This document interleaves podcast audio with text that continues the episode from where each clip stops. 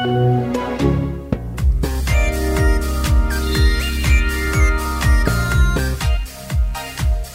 hele goede morgen. Goedemorgen. Hoe is ie? Ja, goed. Met jou? Uitstekend. De kerst. Sleutelbeentje geheeld. Eh, zo goed als. Ja, bijna helemaal heel. Kan je weer een beetje trainen? Nou, het zou in theorie kunnen. In theorie kan het. Ja. In theorie kan het. Ja. Maar daarmee is ook gelijk alles eh, gezegd. Goed zo. Ehm, vandaag rondje langs de velden. Ja. Eh, zometeen eh, natuurlijk even over Chantal Blaak. Het verhaal wat deze week in de krant stond en online. Ja. Ja, gekke kwestie moeten we even bespreken. Rondje langs de velden. Ja, waar wil je mee beginnen? We zijn een tijd eh, weg geweest natuurlijk. Even een rapido updateje. Eerst even toewerkend naar het leukste uurtje van de winter. De WK veldrijden Ja, in Hogerheide. in Hogerheide. Parcoursbouw van A van de Poel. Eh, daar, eh, daar slaap ik er nu al niet van. Van dat uurtje. Ja, is dat zo? Nou, het wordt toch heerlijk. Dat wordt toch heerlijk. Maar ga- gaat Adrie nou een klein beetje handiger om met de hele situatie dat hij de parcoursbouwer is? Dat hij het voor eh, Mathieu bouwt, bedoelt Nou, niet bedoel voor je? Mathieu, maar ook niet tegen Mathieu. Nee, dat doet hij dus niet. Valkenburg was het, geloof ik, hè? Ja, we hebben dus inderdaad in het verleden is er dus één WK geweest waar van de, waar dus van de pool senior de parcoursbouwer was. Eh, het WK in Valkenburg. En eh, toen was van tevoren ook, toen waren Freek vanuit het Belgische kamp, was echt wel de vrees dat Adrie het zou bouwen op de manier zoals Mathieu het graag zou willen. Alleen dat deed hij helemaal niet. En er zaten helemaal weet je, dan zou hij er zes keer balken in leggen bijvoorbeeld. En dat deed hij helemaal niet. Er zat super hoogteverschil in, stukken lopen. En eh, Van der Poel had, Van der Poel junior had ook geen hele beste dag toen. En Van der Aert werd wereldkampioen. En eigenlijk, volgens mij wil Adrie vooral niet dat het gaat over het parcours. En wil hij vooral dat ze zo'n, als hij wereldkampioen wordt, dat hij gewoon wereldkampioen wordt op zijn eigen merites. Ja. Dus dat gaat hij helemaal niet doen. Dat WK, dat weet je, dat, dat parcours in Hoge Heide staat ook best wel lang vast. Toch? Dat is Dus- toch... Het gaat niet heel veel anders zijn dan het parcours wat ze elk jaar rijden met de wereldbeker. Nee. En waar ook een keer een WK is gereden ook. Dat bedoel, er een paar nuanceverschillen in zitten, maar dat zal niet heel veel anders zijn. Het is wel altijd goed. Dat parcours.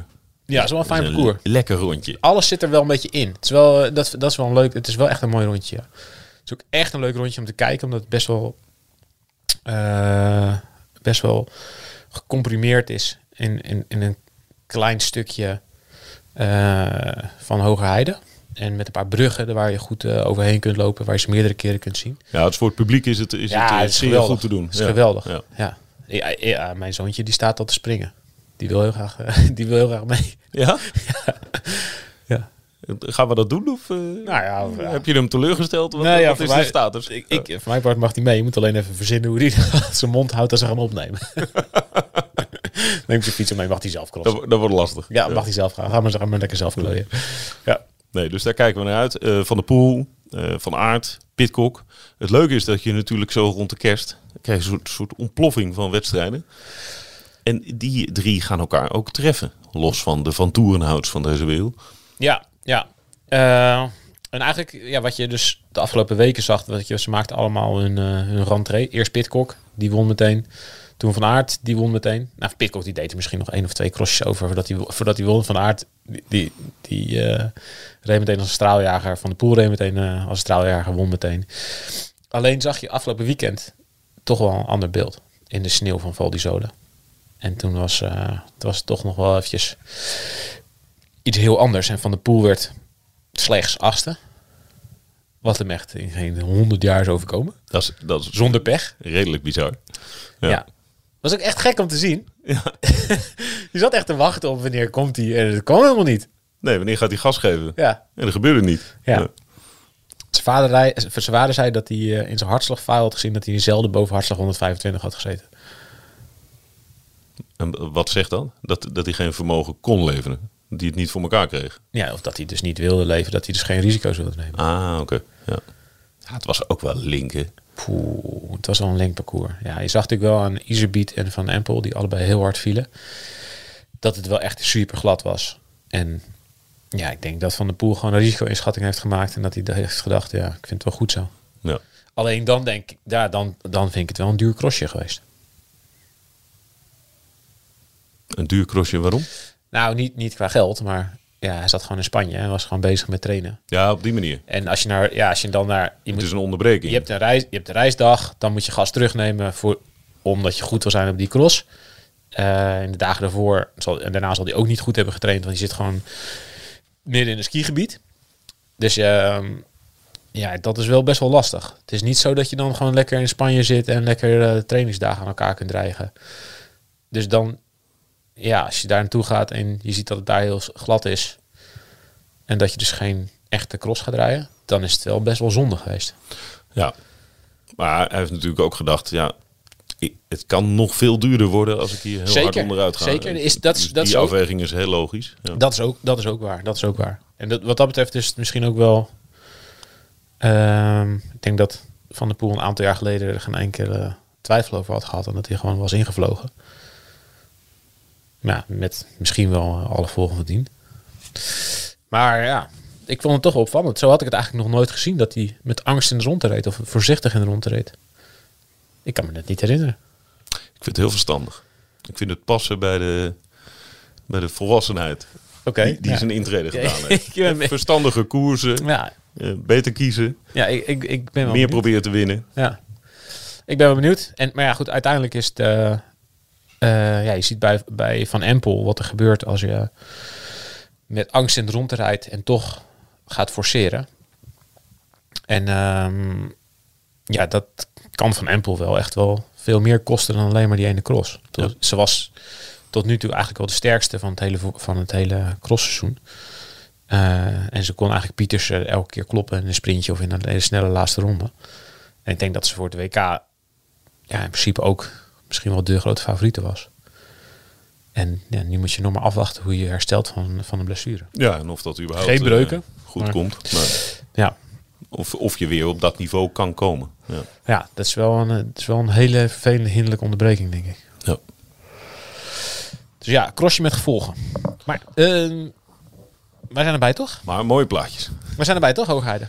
Ja, ik stel voor dat we ergens gewoon een locatie kiezen. En dan, dan gaan we een grote megalomane voorbeschouwing Oh, dat is lekker. in het veld opnemen. Of zo. Ja, weet niet, moeten we iets voor verzinnen. Ja. Maar daar komen we wel uit. En dan, dan gaan we zo op maat eh, gaan we opbouwen naar de zaterdag en naar de zondag. Ja. We slapen ergens in de buurt. Ja? Ja, we gaan alleen maar friet eten. Patat. Ja, oké. Kan ook. Nou ja, daar heet het niet zo. Nou ja, Goed. eh, zin in. Ehm, even voor we het rondje dan eh, gaan starten. Het eh, snelle rondje. Ooit was het nog niet begonnen. Nee, was hem niet begonnen. Dit was eh, de aanloop naar het leukste uurtje van de winter. Ik werd toegeroepen. Het laatste had, had ik mijn kinderen op school afgezet. En ik fietste in mijn eentje terug naar huis. En toen werd ik toegeroepen vanaf de stoep. Hoeveel dagen tot de omloop? en toen riep ik terug. eh, eerst het WK Veld. Ja, dat is wel... Fietste ik door. Zullen we dan zullen we vanaf dat moment gaan... Hoeveel dagen tot is? Tegenwoordig een, een Twitter-account. Hoeveel dagen tot de omloop? Oh ja? Ja, ik en, ga- en dat is niet van jou. Nee, nee, nee, dat is, Nee. Niet, dat is, niet, eh, dat is niet voor mij. Hoeveel dagen tot de omloop? Wacht. Ik ga, het- ik ga het opzoeken, want het, i- het is Bijna er. net zo goed als het Twitter-account van de Tour helikopter. de Vuelta-helikopter. De De Vuelta-helikopter. Tak, tak, tak, tak, tak, tak, tak, tak, tak. Hoeveel dagen tot de omloop? Hmm, nee, ik kan het niet vinden nu. Maar het, het is er. Oké. Zoek het. Ik, ga, ik, ik zal het wel delen. Ja, toch? Ja.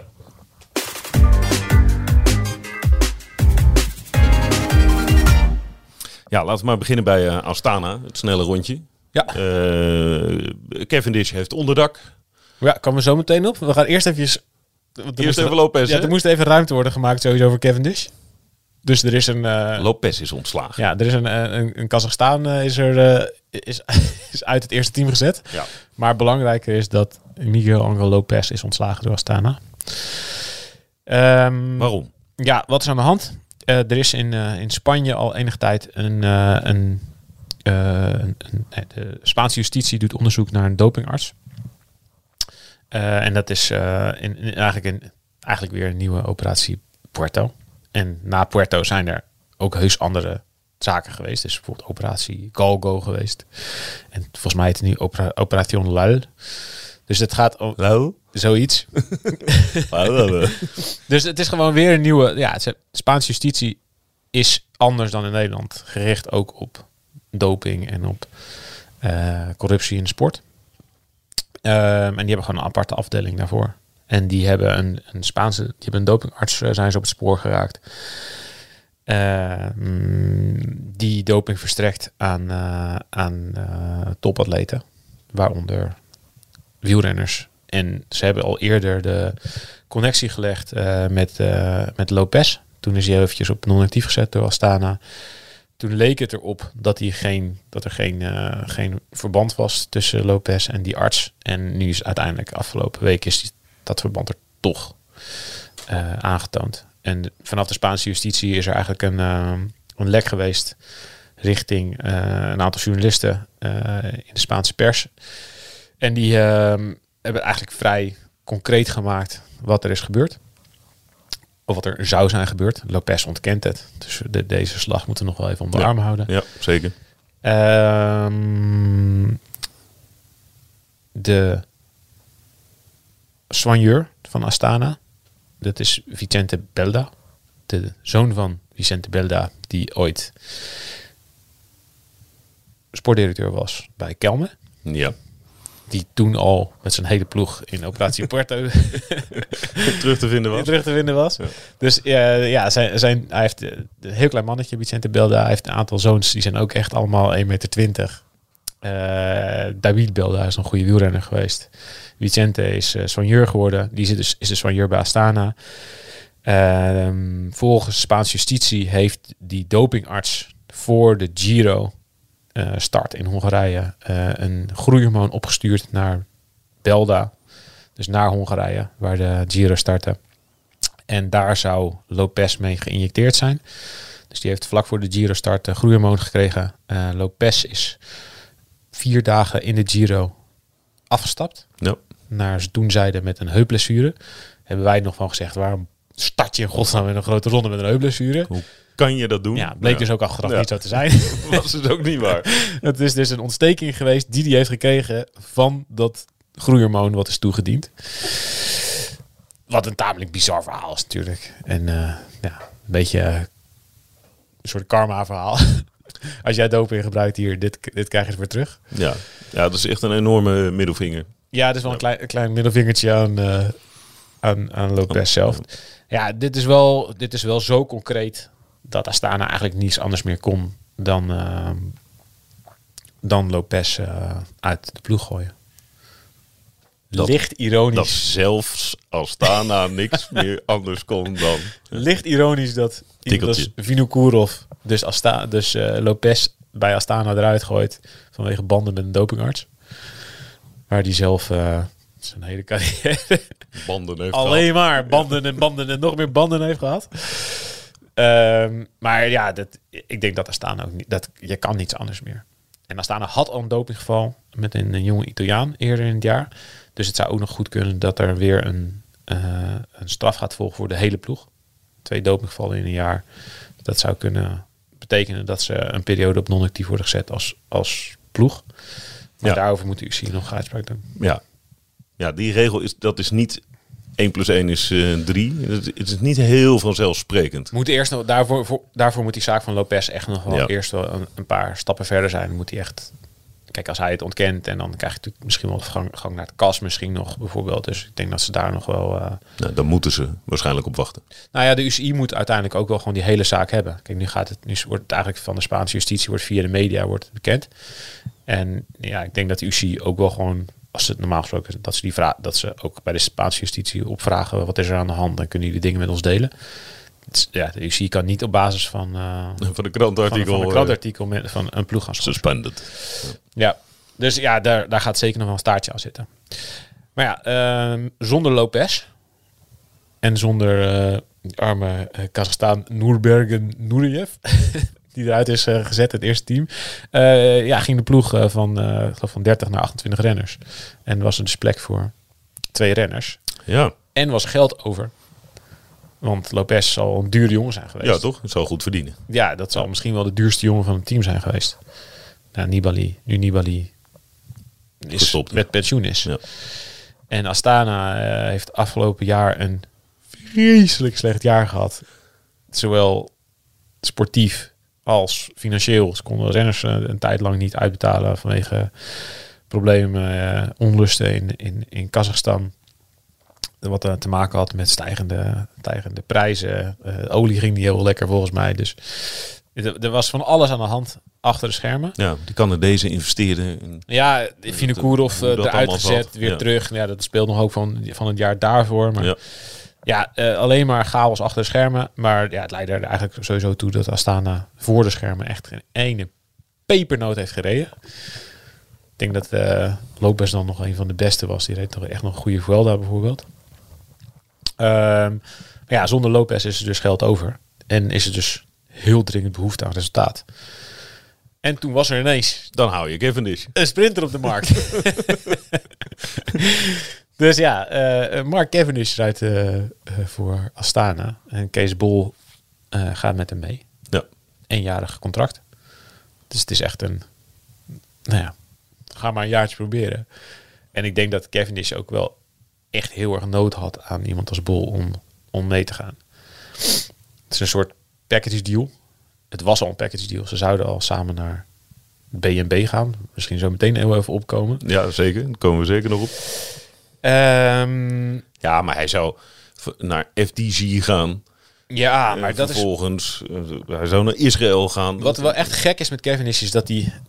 Hij, hij is afgelopen jaar vertegenwoordigd door meerdere managementbureaus.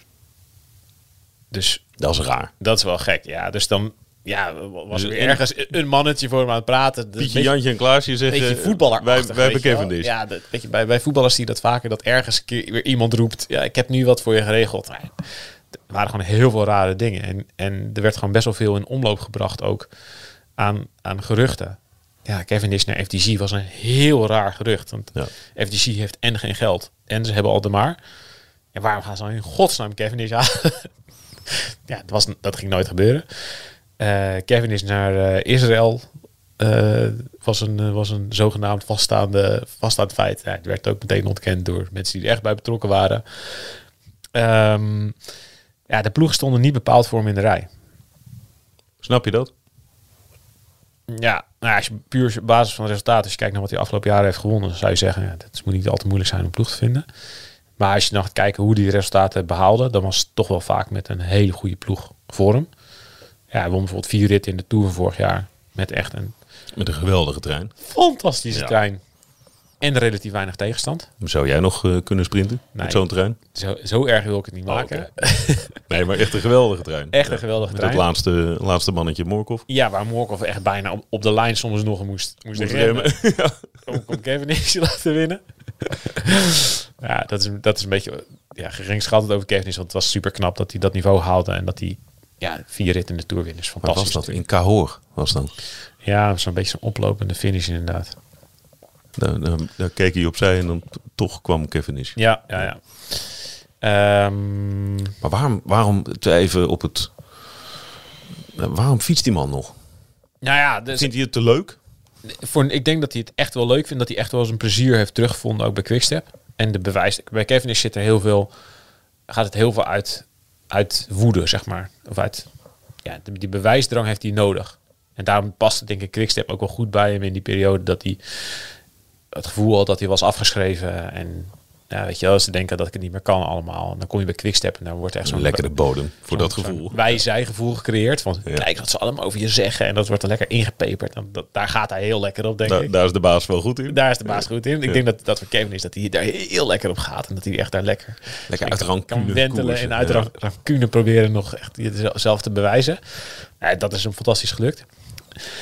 Eh, maar hij is in die Tour van vorig jaar op gelijke, hoogte, gelijke hoogte gekomen met, eh met Merckx. Is dat het, ja? En ja, dat is gewoon... Ja, dat is het laatste stukje. Het is denk ik het laatste stukje van zijn carrière. Dus hij wil gewoon... Hij wil nog naar de Tour. En hij wil nog één keer een etappezege boeken. Maar En zou die dat dan... Ik, veronderstel niet dat je alles van die deal weet. Je zal het contract niet gelezen hebben, maar... Het, eh, Scheelt niet zal- veel. zal hij dan... Scheelt niet veel? Oh. Heeft hij een handtekening eh, eh, gezet ook onder deelname aan de Tour? Hoe werkt zoiets? Ja, hij gaat naar de Tour. Ja, dat is wel, dit dat, is, is, Kijk. dat was de voorwaarde. Ja, ja, kijk, hij heeft met meerdere ploegen gesproken afgelopen jaar. En eh, ehm, ja, hij zou heel lang eh, zou die naar BNB gaan. En dat is, eh, dat is het nieuwe project eigenlijk van Jérôme Pinot, ex-renner. eh, al een paar jaar manager bij, bij BNB. En BNB was afgelopen jaren een klein Frans ploegje. Deed het soms wel aardig. Hebben in het verleden. Ze hebben reed daar. Bourgoudou. Franck Bonamour. eh, heeft Bonamour. een fantastische tour gereden. Eh, Pierre Roland. Oei. Attaque de Pierre Roland. Pierre Roland, moeten we het zo ook over hebben? Ja. ja. Ehm, ja, die hebben gewoon heel lang eh, en, en, ja, gespeeld met het idee naar buiten toe dat ze een, een hele grote sponsor hadden aangetrokken. En dat was eh, eh, Ville de Paris, dus de stad Parijs. Die, eh, waar de eh, burgemeester eh, al jaren heel erg inzet op de stad vergroenen en meer fietspaden en iedereen op de fiets krijgen. Spelen komen eraan, moeten de groenste en duurzaamste spelen ooit worden. En Is niet zo moeilijk. Mm, Er is weinig aandacht voor geweest in het verleden. Dus ik denk als je het goed aanpakt, heb je het over zeker. elkaar. Maar, maar goed, in Parijs, er, is, ja, er zijn enorme veranderingen in Parijs zelf doorgevoerd. Ja, er zijn gewoon hele wegen zijn gewoon nu afgesloten voor auto's en dan kan je alleen maar fietsen. Dus ja, ze wilden daar heel graag een, een grote wielenploeg boven hangen. Alleen, ja, het is daar gewoon best wel fout gelopen gedurende het jaar. Ehm, de, ja, Parijs dacht dat ze gewoon in hun eentje op dat shirt kwamen, zouden komen te staan. Er zou ook een vrouwenploeg bij komen. En uiteindelijk bleek dat toch wel meer budget te kosten dan dat ze konden ophoesten. En toen moest op het allerlaatste moment moesten er nog co-sponsors bij worden gezocht. Nou, die stonden allemaal niet te trappelen. En op het moment dat er dan dat zo'n groot project, waar Pinot een grote broek voor aantrekt, waar die grote renners voor haalt.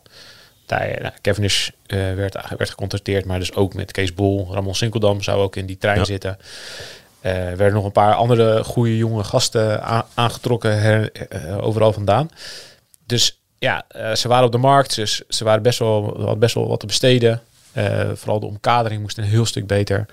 Dus beter, beter, beter materiaal, meer hoogstages, eh de diëtisten, alles eromheen. Omdat Pinot terecht heeft ingezien dat wielrennen tegenwoordig, ja, je doet gewoon niet meer mee met de grote jongens als je dat allemaal niet voor elkaar hebt. Nee. Je ziet heel erg dat het een soort in, in tweeën aan het vallen is de afgelopen jaren. Waar de rijke, grote ploegen die het goed geregeld hebben met, met al die dingen, materiaal, hoogstages, diëtisten, die het echt gewoon, die, die daar heel veel tijd en geld in investeren, dat die presteren. ja, die pakken het succes. Ja. Ja, die, die, Jumbo-Visma, Ineos. ja, in- dat, dat, zijn- dat zijn, je je ziet het gewoon, je ziet het gewoon uit elkaar vallen. In, in twee eigenlijk. En de ploegen die daar niet in mee kunnen, ja, die, die hobbelen gewoon een beetje mee. En BNB hobbelde een beetje mee de afgelopen jaren. En Pino heeft terecht gezien, ja, oké, als we iets willen, dan moet er gewoon geld bij. Alleen ja, als Waar, is dat dan, waar gaat zoiets mis dan? nou ja, dus op het moment dat Parijs dus zag, oké, wacht even, we, dit kunnen we allemaal niet ophoesten. En oh, er moeten co- co-sponsors bij. En er komt een klein beetje paniek bij. En oh, wacht even, kan het wel? En er komt iets van negativiteit bij. Dan duikt dus ook de hele wielerwereld erop. Als een soort van, ha, ha, ha, kijk nou. ja, Dat vind ik wel echt wel bizar om te zien. eigenlijk. leedvermaak. Zit wel een stukje leedvermaak bij ook, ja. En er komt er dus heel veel negativiteit bij. Nou, daar stappen sponsoren nog, nog minder snel in. En ik denk dat er echt wel... Je kunt Pinot heel veel eh, verwijten. Ik denk dat het echt wel best wel eh, slecht is... om allemaal renners eh, te contracteren... als je het nog niet allemaal helemaal rond hebt. Al ja, moet je ook... op de een of andere manier moet je ook wel een keer een stap maken. maar ja, Nou, het, zijn, het is een beetje... het is een beetje kip-ei. Ja, kip-ei, want je moet goede renners hebben, Ja. wil je goede sponsor binnenhalen. En je moet een goede sponsor hebben, wil je goede renners binnenhalen. Dus ergens zit, dat, zit, zit een, een wankel evenwicht. Ja, dus hij heeft het zelf niet. Ik denk dat hij het zelf niet allemaal even slim heeft gespeeld. Maar ik verbaas me ook wel over dat, dat leedvermaak en die negativiteit. Want uiteindelijk moet het hele wielrennen. Eigenlijk zou je blij moeten zijn als er grote sponsoren instappen. En omdat er uiteindelijk nog steeds gewoon best wel weinig geld relatief omgaat in zo'n grote sport die door zoveel mensen wordt bekeken. Ja. En dit is weer, ja, dan valt zo'n ploeg dus uit elkaar. En ehm, ja, valt het dus zo erg uit elkaar dat ook eh, het fundament wat er al stond van BNB nu dus gewoon mee instort. Waarvan ze elke keer hebben gezegd, oké, dat gaat niet gebeuren. Want we kunnen altijd terugvallen op de structuur die we nu hebben. We zijn pro-Conti en dan blijven we gewoon het ploegje wat we nu zijn. Ook dat stort nu dus in. Ja. Want Met de als ploeg houdt gewoon op te bestaan. Ja, die ploeg houdt gewoon op staan. Met als volg dat er nu dus gewoon eh, tientallen mensen eh, op het laatste moment op straat staan. Renners, maar ook allemaal personeel. Dus het is best wel een clusterfuck als je het helemaal bekijkt. Er gaan gewoon, ja, dat van het personeel, dat, ja, daar heeft niemand het ooit over. Maar dit zijn gewoon allemaal mensen die gewoon in de- eind december op straat staan. Renners gaan er heel veel terug naar eh, amateurteams. De echt goede renners gaan, ze gaan zeker wel onderdak ergens vinden. Dat zie je ook wel her en der gebeuren. Dan naar eh Alpecin. Eh Laurence, een hele goede jonge Fransman, gaat ook naar Alpecin. Eerst wel in het opleidingsteam en dan kan hij af en toe doorschuiven naar, naar het World Tour team. Maar dat, die, die komt er wel. Stevie Williams gaat naar Israël. Ja, weet je, de echt goede renners gaan wel onderdak vinden. En Bol en Cavendish die gaan dus naar Astana. Ja. Maar er gaan ook gewoon heel veel renners zijn. Die gaan gewoon eh, of einde carrière of eh, terug naar de amateurs. En dan opnieuw eh, gaan we opnieuw prof proberen te worden. Klein gebbetje. Eén voordeel heeft het wel. Pierre Roland stopt. Hè? Zijn we daar vanaf, zou je zeggen? Ja, Ja. ik heb een beetje een Beetje flauw. dubbel gevoel bij Pierre Roland. Hoi. Attaque de Pierre Roland. Attaque de Pierre Roland. Ja, aan de ene kant heb je de Pierre Roland, een soort Thomas Vuclair adept is. Je weet hem nog uit de Tour van 2011 toen hij alles aan gort reed met Vuclair. En de jaren daarna dat hij honderdduizend keer in de aanval ging voor een bolletjestrui en tong uit zijn mond. Ja. Klein, klein Vuclairtje wel, af en toe. ja, af en toe wel. Alleen, ik ben toch wel, ik vind het ook wel een hele sympathiek vent. Dat heb ik bij Vuclair niet. Nee, dat heb jij bij Verclair niet. Nee. Nee, nee het, is wel, ik vond het wel, het is wel echt een sympathieke gast. Wat maakt hem sympathiek? Nou, Waar zit ik, eh, waar zit ik fout? Nou, nu, wat hij nu bijvoorbeeld heeft gezegd, het was, eh, eigenlijk zag hij toen hij het fout zag gaan bij, eh, bij B&B, toen heeft hij gezegd, ehm, ik zou graag nog een jaar verder willen, maar niet als het ten koste gaat van jonge renners. Dus ik lever bij deze mijn contract in en als het allemaal goed komt, dan wil ik best nog een jaartje verder, maar niet in plaats van een jong renner. Dus als je er, ik, de eerste die eruit gaat, dat ben ik. Vond ik heel chic. Heel erg. Vond ik chic. Ja. Oké, dat is- dat- oké. Huh? Wat jammer dat hij Wat stopt. jammer dat hij chic is. Nee, wat jammer dat hij stopt. ja, ja, ja. ja. Als hij er niet is, weet je echt pas wat je mist. Ja. Goeie gozer, die Pierre Goeie gozer? Ja, Ja. echt een goede Ja. gozer. Ja. Een aantrekkelijke renner ook. Ja. Niet te theatraal. Goed. Ehm, ja, we gaan van het een in het ander. Want ehm, eh, waar Astana eh, de financiële problemen had het afgelopen jaar, hebben ze wel weer een verlenging van de World Tour licentie gehad voor drie jaar. Eh, in datzelfde document wat gecommuniceerd werd voor, door de UCI staat ook DSM met een World Tour lic- licentie, maar er staat een aantekening bij. Een asterixje. Een asterixte. Ja, wat, ja, ja, je kunt ze bij Astana zien wat er enorme problemen die hebben gehad afgelopen jaar. Zowel sportief, eh, financieel als ethisch. Dat zijn Ja. eigenlijk de drie elementen waarop een World Tour licentie wordt eh, beoordeeld. Of je die dus voor de komende jaren gaat krijgen. De licenties worden voor drie jaar afgegeven. Afgelopen jaar is er een enorme strijd geweest tussen allemaal ploegen om zo'n World Tour licentie te bemachtigen. Uiteindelijk is zijn nu Israël en Lotto zijn gedegradeerd. Die moeten komend jaar eh, heel veel punten sprokkelen om wildcards eh, te bemachtigen. Ja. Ja, maar die kan je ook weer verdienen. Is weer een apart systeem, maar gaat per jaar. Dus degene, dus de, de niet-World Tour ploeg met het meeste punten, die krijgt eigenlijk automatisch een wildcard voor allemaal grote koersen het jaar erop. Dus nee, je ziet dat Lotto daar nu al op als in, aan het inzetten. Die gaan bijvoorbeeld niet naar de Giro, niet naar rond van Baskeland en niet naar Tirreno Adriatico uit mijn hoofd. Omdat ze denken, ja, daar kunnen we niet genoeg punten scoren. Ah, oké. Daar hebben we niet de renners voor. Dus dan gaan we liever kleinere koersen rijden. Dus die gaan in België, in Frankrijk en in Spanje allemaal kleine koersen rijden en dan heel veel punten verzamelen. Nee, die gaan weer Met de Lee. Arno. Arno Dully. En die alle 1.1 koersen plat walst. Dat Ja. doet hij namelijk echt. Wat een, ja, wat, waar de UCI wel echt naar zou moeten kijken. Want dit is natuurlijk gewoon een lelijk systeem. Als het tot dit soort eh, excessen leidt. Ja. Dat ploegen gewoon de grootste koersen nu gaan overslaan of skippen. Om kleine koersjes te gaan rijden. omdat ze daar meer punten in kunnen scoren dan in een grote koers, dan gaat er wel iets fout in je, in je puntenwaarderingssysteem, denk ik. Ja. Maar ja, de, ja het, eh, dat is nou eenmaal zo. Ehm, Ja, het staat ze vrij. Maar DSM heeft dus voor één jaar een Eén licentie gekregen. ja, Want? Eh, nou ja, wat er, eigenlijk, wat er dus eigenlijk op neerkomt, is dat de UC zegt: eh, jullie budget is niet helemaal rond voor 2024 en 2025. Ja. En dat is best wel alarmerend. En dat staat er dan zo eventjes tussen. En dan wordt er tussen deze lippen ergens eh, eh, in zijn document geschreven. Maar als je ziet wat voor problemen Astana bijvoorbeeld afgelopen jaar heeft gehad, dat ze renners niet hebben betaald. En dat die dus wel gewoon een licentie krijgen voor drie jaar. En dat DSM dat niet krijgt, dan is het wel een serieus probleem. Er waren al eerder geruchten in omloop dat DSM problemen zou hebben met sponsoring. Ik heb dat van het jaar ook wel een keer gevraagd. Dat wordt door het ploeg echt aan alle kanten ontkend. Geen enkel probleem. Zou ik ook doen. Ja, maar goed, ja, het is Als wel je echt een eh, probleem hebt en je zegt het hardop, dan krijg je het effect van eh B&B misschien wel om je oren. Misschien, ja. Dat, dat zou kunnen. Ja. Maar goed, ja, dit is natuurlijk wel, dit, dit zal niet heel lekker zijn. Als je dat, eh, als je die aantekening krijgt van de UCI, dan, ja, dan is het wel zaak om dat heel snel van tafel te krijgen. Want anders gaat het dus ook inderdaad, dan gaat die negativiteit weer meespelen. En dan gaan de renners die je wil eh, laten tekenen voor de komende jaren, die gaan ook drie keer achter, eh, achter hun oren krabben of ze dat wel gaan doen. En ik denk dat DSM nu best wel ook wel in de perceptie in het peloton ook best wel een probleem heeft. Dat daar heel, zo'n groot verloop van renners en personeel. En daar zullen wel een hoop renners sowieso van denken, hm, hm, hm, ga ik daar nu wel naartoe? En als er dan nog een financiële component bij komt, waardoor je niet zeker weet of die ploeger de komende jaren is, dan is dat, ja, kan het wel leiden tot nog weer extra negativiteit. Dus dit, is wel, dit moeten ze wel heel snel oplossen. Zeker weten. Eh Mathieu van der Poel, kan Australië weer in? Even huishoudelijke afmelding van de hele kwestie. van, misschien wel de meest opmerkelijke kwestie van het afgelopen jaar. Eh, zaak eh, in hoger beroep ja, geseponeerd en een tik op de vingers van die, van die meisjes. Ja, hoeft geen boete te betalen. Krijgt ge- geen strafblad meer in Australië. Nee.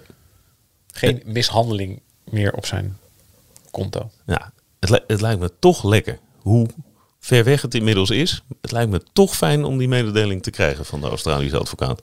Ja, dat, dat denk ik ook. Maar aan de andere kant, hij krijgt het WK er niet mee terug. De- Ik weet niet, zou Mathieu van der Poel de komende drie jaar van plan zijn geweest om naar Australië te gaan? Ja, nee, dat weet ik niet. Maar het gaat, het gaat meer om. Het gaat, ja, het gaat meer om dat je een, een schoon blazoen hebt of zo. Het lijkt me ook prettig dat dat, dat er niet ergens Nee, aanwezig zeker. is. Zeker, ja, een, veroordeling door een rechter is wel... eh, Toch? ja. ja. En voor, voor iets, ja. Ik denk dat hij zelf ook denkt van, jezus, waarom in godsnaam? Wat gebeurde mij hier? Maar ja, dat is, dat is nu dan afgedaan. Ja. Ja, dat WK krijg je niet meer terug. de WK krijg je niet meer terug. Ik had zelf ook nog een akkefietje met de Australische justitie. ik heb Oh. een boete opgestuurd. Vier kilometer te hard. Vier kilometer. Ja, Ja, 64 waar je 60 mocht. het is een Eh, paar, paar tientjes en gewoon betalen. Drie keer raden wat de boete was. Ja, nou ja, als je dit eh, zegt, eh 200 Australische dollar. 295 Australische dollar. Echt? Tering. Ja, dat was de moeite. 295 voor 4 kilometer. Ja. Nee, ja, dat is Goed dan, gevulde dat is dan, dat is dan staatskas, eh, eh, 7 of 8 kilometer waarschijnlijk op mijn teller. Maar Daarom rijden ze daar zo hard. keurig. Nee, ja, ja, nu snap ik het wel. Ja. de hardste de hard. Deze deed toch wel even. Ik dacht wel even, huh? Zie ik het verkeerd? Nee, zag ik goed. Oké. Ja, deed even Eh, pijn. ja, dat snap ik. ja. De finish van de Tour. De finish. Finis. De finish van de Tour in 2024 is niet in Parijs. Obviously vanwege de Olympische Spelen. Maar het besluit is eh, Ja, afgelopen tijd kenbaar gemaakt. Eh, we finishen in Nice. ik vind het heel lekker. Wat vind jij? Ja, het heeft bij jou natuurlijk gewoon te maken met het feit dat, dat het niet een eh parade-etappe is. Ja, want het is een finish nu met een tijdrit in Met een Nice. tijdrit in Nice. Ja. Ja, ik vind tijdrit Nee, ik vind het ook heerlijk. Ja, toch heerlijk. Een tijdrit op, op, op het allerlaatst. Waar, het nog, waar je nog echt dingen hebt om voor te strijden. In plaats van, ja, we gaan eerst eh, proosten. En iedereen is al half zat. En iedereen, er zijn allemaal renners uit geweest. De persconferentie is al geweest. op zaterdag. Dat vind ik ook zo nep, weet je wel. Dan heb je dus op zaterdagavond, Nee, die tour die is al helemaal afgesloten en Precies. we moeten nog een dag. Ja. de dag voor de laatste rit, is er dan een persconferentie van Met de de winnaar. Ja, hoe, eh, hoe vind je dat je Snap de ik Tour ook hebt nooit. gewonnen? Je hebt de Tour nog niet gewonnen. maar ja, morgen is het toch niet. Ja, dat ik, ja. Nou, we hadden het de afgelopen tour over. Wat nou als je toch op je kokosnoot gaat? Ja, dat, ja, dat kan zeker, ja. Het bestaat. Ja. De Champs-Élysées is nou niet eh, de meest lekkere, lekkere fietspad. Maar moet je eens nadenken. De- gewoon aan, aan tours, aan, of aan grote rondes, die eindigden met een tijdrit van de afgelopen jaren. 2017. Dumoulin, Giro. Giro. Jos van Hemden. Dat was toch fantastisch. Nou, daar ging het er nog wel om, ja. Daar ging het er nog wel om. ja. Eh, nee, de laatste keer tijdrit op de Champs-Élysées. Le Mont Fignon. Ook een leuk toertje. Tikkeltje spannend. Oh, die hele... Wat een toer. Er is er ergens nog zo'n YouTube-docu. Ik zal maar een keer opzoeken hoe die heet. Die heb ik gezien. die is echt fantastisch. Die Ja. hele tour is namelijk echt Ja. geweldig. Krankzinnige tour. Echt krankzinnig. Ja. En die begint dan al met dat Delgado eh, zit te poepen en, Ja. en, de, en de start van de proloog mist. Want Delgado die is eigenlijk dan nog in de Tour. Die verliest dus meteen in het eerste weekend. Die verliest meteen een aantal minuten. Doordat hij eh, de start mist. en die komt dus uiteindelijk nog hartstikke dicht. Eigenlijk was die, die misschien nog wel beter die Tour. Maar die heeft gewoon... Voor ons, voor ons beeld heeft hij helemaal niet meegedaan. Omdat de hele tijd tussen Le Mans en Fignon ging. Nee, anyway. Gaat Heerlijk. Nou, Ja, ga, tijdrit in is. ja, ga, zo- Google het maar even. Ja, dat is, Gaan leuk. we, gaan we niet hoor. dat is ontzettend leuk. Goed. Het eh, sluitstuk.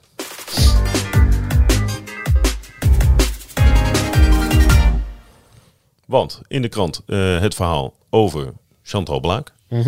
Chantal van der Broek Blaak. Ehm, een incident. Nou, laten we het eh, vertellen het verhaal. Ja, eh, het gaan terug naar het WK Studenten in 2008. Ehm, georganiseerd in eh, Nijmegen. Eh, waar toen nou ja, allerlei ren- renners en rensters met een, die studeerden een WK afwerkten. Bij de vrouwen werd tweede Chantal Blaak. De, eerste vijf plekken waren voor, voor Nederlandse renners destijds. Als je verderop in de uitslag kijkt, zitten er allemaal hele goede renners ook uit het buitenland. Maar het was een soort voorbode van wat er de jaren daarna allemaal het, Ja, in, in- op grotere WK's eh, zou gaan gebeuren. toen was het heel goed. En dat kan je zo vijf jaar verder zetten. Ja, Iris Slappendel, Annemiek van Vleuten eh, won ook een medaille daar. Eh, maar Chantal Blaak werd, werd daar tweede. En ehm, eh, na afloop bleek dat ze een positieve dopingtest had ingeleverd. Dus dat er furosemide in haar eh, eh, urine zat. En furosemide is een, eh, een diuretica, een vochtafdrijvend middel. Dus wat het eigenlijk doet is eh, dat je er, eh, nee, je er echt ontzettend veel van, van plassen. Je ra- raakt heel veel vocht van kwijt. En waarom het op de dopinglijst staat is dat het een maskerend middel kan zijn. Dus als je een, eh, ik zeg maar wat, als je testosteron of een gebruikt, dan eh, breekt dat veel sneller af. En is dat veel minder snel terug te zien als je een vochtafdrijvend middel erbij gebruikt. En destijds stond er twee jaar schorsing op. Tegenwoordig is dat zelfs vier jaar. Ehm, Blaak is door de organisatie van die wedstrijd gesommeerd om naar kantoor te komen en er zilveren medaille in te leveren. Dus ja, zilveren medaille ingeleverd. Op welke termijn na eh, de wedstrijd was dit? Mm, ja, weken. Oké, ja. Duurt wel even voordat, er, voordat die Voordat dat allemaal door is. is. Ja. Test afgenomen door de Nederlandse dopingautoriteit. Staat gewoon ook in het jaarverslag van de Nederlandse- dopingautoriteit. Die bevestigen ook dat het gaat om, eh, om Blaak. Eh, en dat zij het, de Nederlandse dopingautoriteit heeft het gestuurd naar de organisatie van het WK Studenten. Dat is de FISU, Ja. de Internationale Studentensportbond. Ehm nou ja, Blaak heeft eh, zilver moeten inleveren. Eh, nummers 3 en 4 zijn opgeschoven naar 2 en 3. En ehm, ja, wat er vervolgens dan moet gebeuren, is dat eh, de, de uitslag van die wedstrijd moet worden, moet worden aangepast. Niet alleen maar de medailleverdeling, maar gewoon er moet duidelijk worden gemaakt, oké, deze persoon is uit de uitslag gehaald. Ja. Dat is nooit gebeurd. Dus op de site van de VISU kun je gewoon nog de originele uitslag terugvinden, waar Blaak tweede is geworden. En ja, wellicht belangrijker, wat er volgens moet gebeuren, is dat de VISU eh, of zelf verantwoordelijkheid neemt voor de afhandeling van die test en van de procedure, of dat hij het doorstuurt naar de UCI en of de KWU. Omdat ja, er verder sancties volgen. Vo- Ja, het is gewoon allemaal, iedereen is aangesloten bij de World Anti-Doping Code. De afgelopen twintig jaar. En dus ook de FISU. Dus de FISU had dat moeten doorsturen naar de UCI of de KWU. En die hadden dan Blaak ehm, geschorst. En de FISU is een aparte bond, is een, Ja. een apart, eh, vrij opererend, Ja, valt niet onder de UCI. nee, valt Nee. niet onder de UCI. Oké. Dus ja, eh, Blaak dus zou dan worden, ja, er zou een procedure moeten worden gestart tegen, tegen Blaak. Eh, waar, waar ze dus voor ja, destijds dan standaard voor twee jaar geschorst zou moeten worden. Tenzij ze zou kunnen aantonen dat ze zonder schuld of met minder schuld of minder schuld of verantwoordelijkheid dat, eh, dat spul in de eh, urine terecht is gekomen. En dat, dat is dus echt wel vrij lastig. Dus dan ga je naar een soort van onanaatje.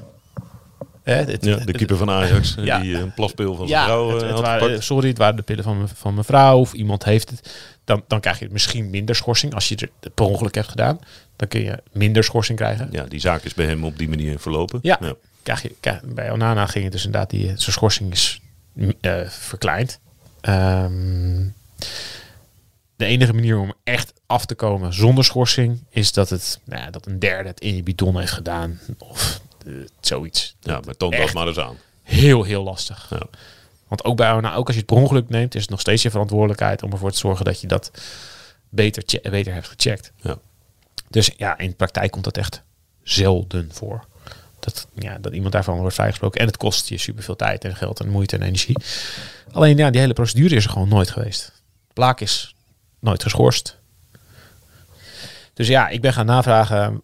eh, Ja. wat is er gebeurd met die test? Hoe zit dat? Ja, Ja. UCI, KNWU. Ja, eerst, ja, eerst gewoon aan Blaak zelf. Ja, wil je je verhaal wil je vertellen wat gebeurd is? Want eh, ik weet, ja, ik zou het graag willen begrijpen. Ja.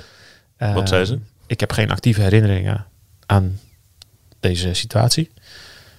Dit parafraseer je? Of, eh, Nee, dat is, dat is wat, wat haar letterlijke tekst was. Ik heb geen actieve herinnering. Ja, nou ja, goed. Dus Was getekend.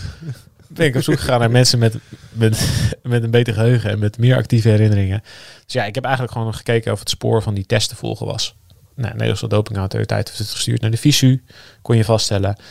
De FISU, die kon het niet terugvinden. Dus die hebben overal gezocht, die hebben allemaal mensen opgetrommeld. En die eh, hebben een eh antidoping verantwoordelijke, een perschef. Nou, die zijn al in alle dossiers gedoken, rapporten, weet ik veel wat. Eh, Ik heb dus gewoon niks kunnen terugvinden wat ze ermee hebben gedaan. Zien wel dat het een zaak was. En dat ze dus Blaak nou ja, hebben gesommeerd om die medaille terug te geven. Maar die weten verder gewoon niet wat ze mee hebben gedaan. Dus ja, uiteindelijk de uitkomst was dat die antidoping verantwoordelijke zei... Normaal gesproken sturen we door naar de UCI. Ja. En wat zegt de UCI? Nooit gehad. Nee. Dus daar, daar stopt het. Het traject stopt eigenlijk daar. Dus ergens bij de visu is het. Zij zijn geëquipeerd om. Zij zijn een volwaardige eh, organisatie. Nou ja, het is niet een grote organisatie. En eh, ja, het is niet de meest eh, professionele organisatie. Dus het zou heel goed gewoon daar zoek geraakt kunnen zijn. Wat namelijk bizar, bizar is. dat een dopingtest zo- zoek raakt. En Ja. ja, ehm, maar wat nu blijkt, en eigenlijk ja, toen ik dus een beetje ging rondvragen, is dat best wel veel mensen er vanaf wisten. Dus eh, Michael Zeilaert, de ploegleider van, van Blaak destijds, samen met Leontien van Moorsel, ehm, die wist er vanaf. En die zei, ja, ik weet wel hoe het verhaal zit, maar bij mij moet je niet zijn, want ze reed in die wedstrijd in een Nederlands shirt. Dus ja, ging ik bijvoorbeeld vragen bij de bondscoach eh, van Nederland destijds, Johan Lammerts. Die zei, ja, ja, ik weet er vanaf. Ik, heb, eh, ik hoorde het in de wandelgangen en ik ben bondscoach en eh, verder niks. Dus ik heb er nooit naar gevraagd en ik heb er de jaren daarna ook gewoon geselecteerd voor kampioenschappen. Dat vind ik wel een beetje opmerkelijk. Ja, nou, zeker als je kijkt naar 2008, kwam ik net uit de Rasmussen Tour. Ja, het was nog niet een tijd dat we, dat we er met z'n allen niet over nadachten. Nee, dat denk ik ook niet. Nee. Dat denk ik ook niet. Tikkeltje naïef eh, als je het op deze manier hoort in ieder geval. Ja. Ehm, maar ook wel veel eh, mensen in het peloton die er vanaf wisten. Dat ging best wel snel rond in het peloton. Ehm nou ja, eh, ja, niemand heeft er dus, niemand van de verantwoordelijke heeft er dus iets mee gedaan. Ehm, en is, ja, er is dus gewoon niks mee gebeurd. Op het allerlaatste moment eh, heeft Blaak alsnog een iets verder gaand statement gegeven. En ze heeft gezegd, ja, ik heb destijds gesproken met betrokken instanties en die hebben toen besloten om er niks mee te doen. En nou, toen ik vroeg, wie zijn dan die betrokken instanties? Want ja. En ik- wat was dan dat verhaal? en wat was dan dat wat verhaal? was je uitleg? Ja, uitleg? zei ze, daar wil ik niet op ingaan. Ja, ik weet niet wie die betrokken instanties zijn, want de visu weet het niet. De UCI kent de zaak niet. Bij de KMU weet de bondscoach het, maar de technisch directeuren weten het niet. Dus Gerard Middag was toen des technisch directeur, Torwart Venenberg, En die weet van niks. opvolger, die zeggen van niks te weten. Dus ik, weet, ik zou niet weten wie dan die betrokken instanties zijn. Dat zijn de instanties die erover gaan. En ja, daar, is het, daar zeggen ze in ieder geval het niet te kennen. Dus ja, of de een zegt iets wat niet klopt, of de ander zegt iets wat niet klopt. Maar dus wat ik, ja, gewoon wat in het algemeen eh, tamelijk bizar is. En ehm, dat ja, moet ik aan sommige mensen nu steeds weer uitleggen op social media, geloof ik. Is dat één, dus tamelijk relevant dat een actieve renster een positieve dopingtest heeft ingeleverd. Ja, dit, dit heeft alles te maken met eh, jeetje Thijs. eh, je bent wel hele oude koeien uit de sloot aan het halen. Ja, en, en twee, dat er gewoon een test is kwijtgeraakt. En dat niemand daar achteraan is gegaan. Nou, dat maakt het verhaal extra zorgelijk, vind ik. Dat vind ik wel heel gek. Nou, Ik bedoel, ja, als er, ik, ik, met, ja, als er iets is waardoor die hele zaak eh, wordt geseponeerd, ja, dan vertel het verhaal. Ehm, ja, leg dan uit wat er gebeurd is. ja, En, en dus, dan zal er een reden zijn in die een overweging genomen is. Maar dat verhaal wordt niet verteld. nee, en bij wie ook niet. Nee. Dus ja, er is hier niet, er is de, de procedure is niet gevolgd zoals die gevolgd had moeten worden, want dan was er ergens wel een, een spoor van geweest. Dit is ergens of zoek geraakt of onder het tapijt geveegd. En dat vind ik heel erg zorgelijk. Ja. Als ik stel je voor dat dit gebeurt in Rusland of in Italië of in Colombia of in weet ik veel wat te zeggen. Wat een, Wat een corrupte bende. ja, Dat is dan onze reactie. dat is dan waarschijnlijk onze reactie. En dan, kijk, dan gaan we echt niet nazoeken wat er precies is gebeurd en waar dat precies is misgegaan. Maar het is wel, het is echt bizar dat er gewoon een, een positieve dopingtest ja, gewoon wegraakt. Ja, zoek raakt. Ja. Nou ja, eh, Blaak is dus niet geschorst. Eh, heeft eh, een prachtige carrière de afgelopen jaren gehad. Geweldige carrière. Ja. Is toch een van de betere eendagsrensters Nou, misschien wel, die we gehad hebben. Ja, ja, ik, wou- ja in die generatie zijn er nog een paar beter. Maar dat is meer omdat die zo belachelijk goed zijn. Maar als je kijkt wat Blaak afgelopen jaar heeft gewonnen. WK, Strade Bianca, Ronde van Vlaanderen. Ja, fantastische carrière. Ja. En wordt straks ploegleider bij SD Works. Dus ja, ehm, Is het daarom ook misschien wel extra zorgelijk dat zij niet bereid is om een uitleg te geven? Of, nou ja, ik heb vind dat wel zorgelijk. Ik vind eh, dat wel zorgelijk. vrij ja. en, eh, Nou goed, ja, je- niemand is gedwongen om iets, eh, om iets te zeggen. Alleen, ehm, ja, als je de grootste eh, vrouwenploeg bent van het peloton, dan vind ik dat daar ook wel een bepaalde transparantie bij hoort. En ja, dat is er dus niet echt. Nee. Of echt niet. Het gevaar is wel dat het verhaal hier ook stopt. Dat kan. Eh, die zaak is verjaard. dat kan. Als zij er niks Zeker. over gaat zeggen. Nee, de, de zaak is juridisch verjaard. Ja, juridisch verjaard. Ja, zeker. Dus hij kan niet worden gestraft. Ja, wat me des te meer een reden lijkt om het, het hele verhaal te vertellen. Maar goed. Eh, dat hoeft ze ook helemaal niet. Wat mij betreft ook niet helemaal, helemaal niet on the record te doen. Maar dat had ze ook off the record kunnen doen. Waardoor misschien iets meer begrip voor de zaak was geweest. Maar ja, dat is niet gebeurd. Ehm, wat een ander element is, wat wel belangrijk is om te noemen in deze zaak, is dat ze eh, dat er meerdere mensen zijn die erover spreken dat de reden dat ze dit heeft genomen eh, zou zijn geweest dat ze eh, niet zozeer om een ander dopingmiddel te maskeren, eh, maar om eh, af te vallen. Ja, gewicht te verliezen. Ja. Ja, en dat, dat komt ook wel. Dat, ja, ze zegt in haar eigen verklaring: ja, het had niks met dopinggebruik te maken. Dus bevestigt dat het, ja, dat het middel in haar urine is aangetroffen eigenlijk. En ze zegt: de, de zaak had niks te maken met dopinggebruik. Dus ja, dat komt wel overeen met wat andere bronnen zeggen: dat, het, dat ze deed om af te vallen. En wat doet uh, furosemide? Ja, het, het laat je vocht verliezen. Dat is, je kunt zeggen dat, ja, technisch gezien is het afvallen, want je weegt er minder door. Alleen, ja, dat vocht krijg je er vanzelf weer bij natuurlijk. Ja. Alleen, ja, wat, wat gebeurde destijds? Uh, ze zat in de ploeg bij Vermorsel en bij Zeilaard. En er was Ook volgens veel andere rensters behoorlijk veel nadruk op gewichtsverlies. Dus eh, ze werden daar, eh, veel rensters werden daar eh, regelmatig eh, op gewezen dat ze te zwaar waren. Ehm, en, en Blaak was daar, daar één van. En na weekenden werden ze op de weegschaal gezet om te worden gemonitord. Dus om te kijken, oké, hoeveel ben je afgevallen? Of hoeveel, ja, hoeveel weeg je nu? En ehm, ja, er zijn wel diverse, diverse renners die zeggen dat dat wel heeft meegespeeld toen met dat er best wel druk op renners stond. En dat Blaken dus daarom genomen zou hebben in het weekend. Om op maandag eh Ja, een betere weging te hebben. minder te wegen. Ja. Ja, minder vocht, weeg je minder. Ja. Ah, dit is altijd dit is een super lastig punt natuurlijk. Dit is super lastig, want, Want waar... Ja, gewicht is gewicht. En als je te zwaar bent, ga je minder hard fietsen. Hè, Vooral bergop telt dat ja, onwijs. dus ik, heb, ik heb Michael Zeilaert die over gebeld. Die, die zegt, eh, en ja, daar, dat, dat is ook zo. Hij zegt, ja, gewicht speelt nu eenmaal een rol in wielrennen. Waar die gelijk in heeft. Dat klopt. Ja. Ja. het is heel vaak watts per kilo. En als je bergop wil rijden en je bent een paar kilo te zwaar, is dat lastig. Ehm, en er ligt natuurlijk ergens zit er een grens, zeker bij jonge vrouwen. Waar druk je te hard? Waar ben je te veel aan het focussen? En dat ligt voor ieder individu ligt dat ergens anders. En dat is best wel lastig om daar de grens te bepalen. En wat voor de een over de grens kan zijn, kan er voor de ander niet over de grens zijn. Maar goed, ja, het gaat best ver om renners elke week met de ogen van de ploegleiding naast je op een weegschaal te zetten. Alleen ja, dat zal voor de een zal dat misschien heel veel druk met zich mee hebben gebracht. Of te veel druk met zich mee hebben gebracht. En de ander zal, zal misschien denken, oké, fijn dat iemand me, me, me begeleidt. Ja, ik wil daar niet een waardeoordeel over geven, maar het is denk ik wel een belangrijk element in deze zaak. Ja. In welke eh, eh, mate zou het de zaak dusdanig veranderd kunnen hebben?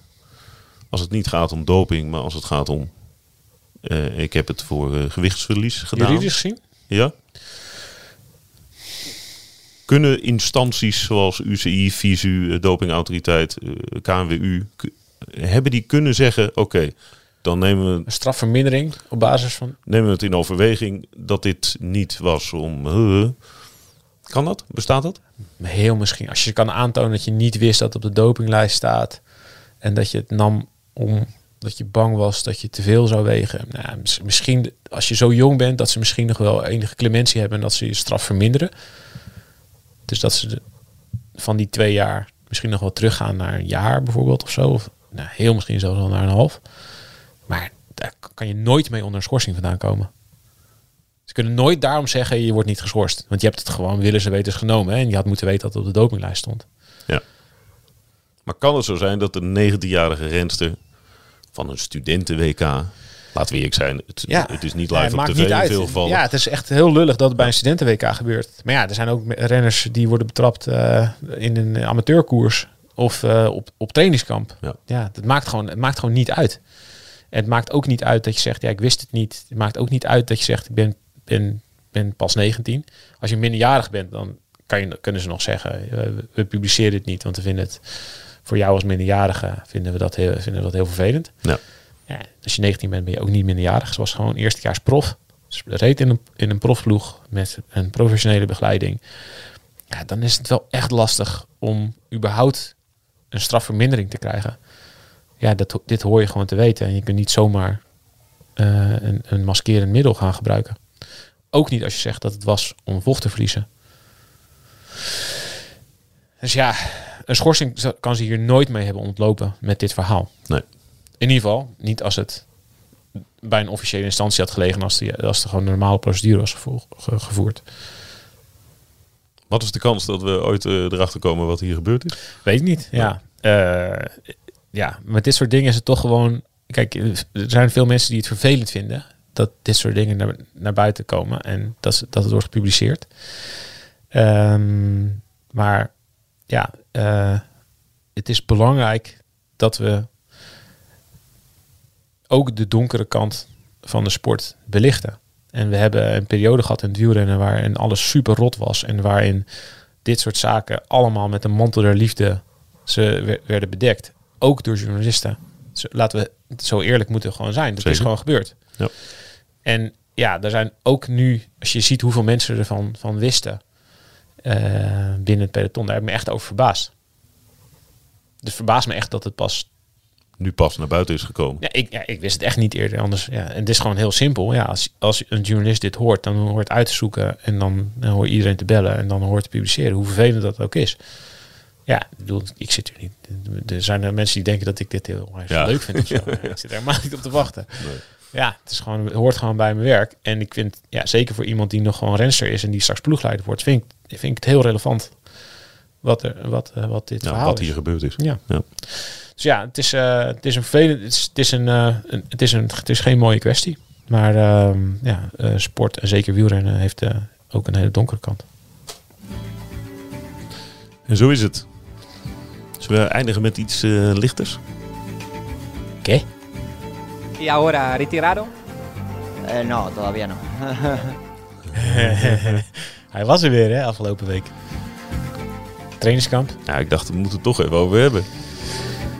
Maar is hij nou gewoon bezig? Hij traint gewoon eh, mee. Ik zag een uh, trainingje op zijn straven voorbij komen. En we hadden ook gewoon wel filmpjes hoor. Uh, Valverde zit gewoon op de fiets. Zit niet in de ploegleidswagen. Het zit gewoon op de fiets tussen alle andere rensters, renners en rensters. Voor alle duidelijkheid, hij, hij zou gestopt zijn. Uh-huh. En zou ploegleider worden. Uh-huh. Maar daar is in de huidige fase van de trainingskamp nog weinig van te merken. Ja, ik. van de week 180 kilometer, of 186 kilometer geloof ik. Met iets van 2000 hoogtemeters. 36,6 gemiddeld. Aftrainen. ja. Uh, ja, je kan het aftrainen noemen, ja. Ik, ik, dat denk ik. Dus heel goed aftrainen. Ja, dat is heel goed aftrainen. Ja, ik moet echt nog. Hij is blijft zeggen: ja, nee, ik ga echt niet, ik kom echt niet terug. Ik kom echt niet terug. Ik geloof hem. Ja?